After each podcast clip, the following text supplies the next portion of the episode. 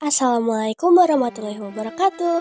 Hai para pendengar Garda Suara Kembali lagi sama aku Mutiara Feifa Al-Khalila atau Feifa dari Garda Angkatan 15 Karena hari ini tanggal 17 Agustus Aku mengisi podcast hari ini tentang 17 Agustus.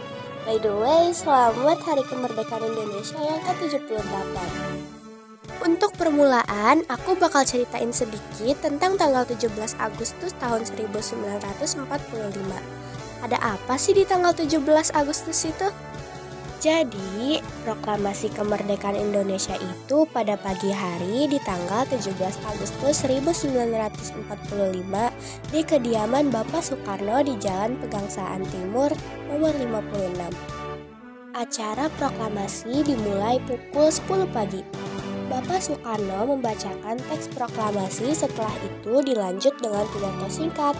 Kemudian bendera merah putih yang dijahit oleh Ibu Fatmawati dikibarkan oleh seorang prajurit peta bernama Latif Hendraningrat. Dibantu oleh Suparjo dan seorang pemudi yang membawa nampan berisi bendera merah putih. Setelah bendera berkibar, lagu Indonesia Raya dinyanyikan oleh semua hadirin. Bendera pusaka tersebut masih disimpan di Museum Tugu Proklamasi Nasional hingga saat ini. Oke, jadi itu cerita singkat pada tanggal 17 Agustus 1945. Sekarang aku bakal ngasih tahu 5 fun fact 17 Agustus 1945 yang mungkin para pendengar Gata Suara belum tahu nih.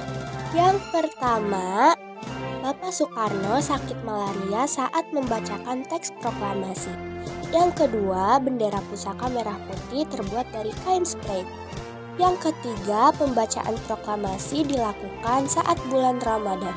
Yang keempat, teks proklamasi disusun di Rumah Perwira Jepang.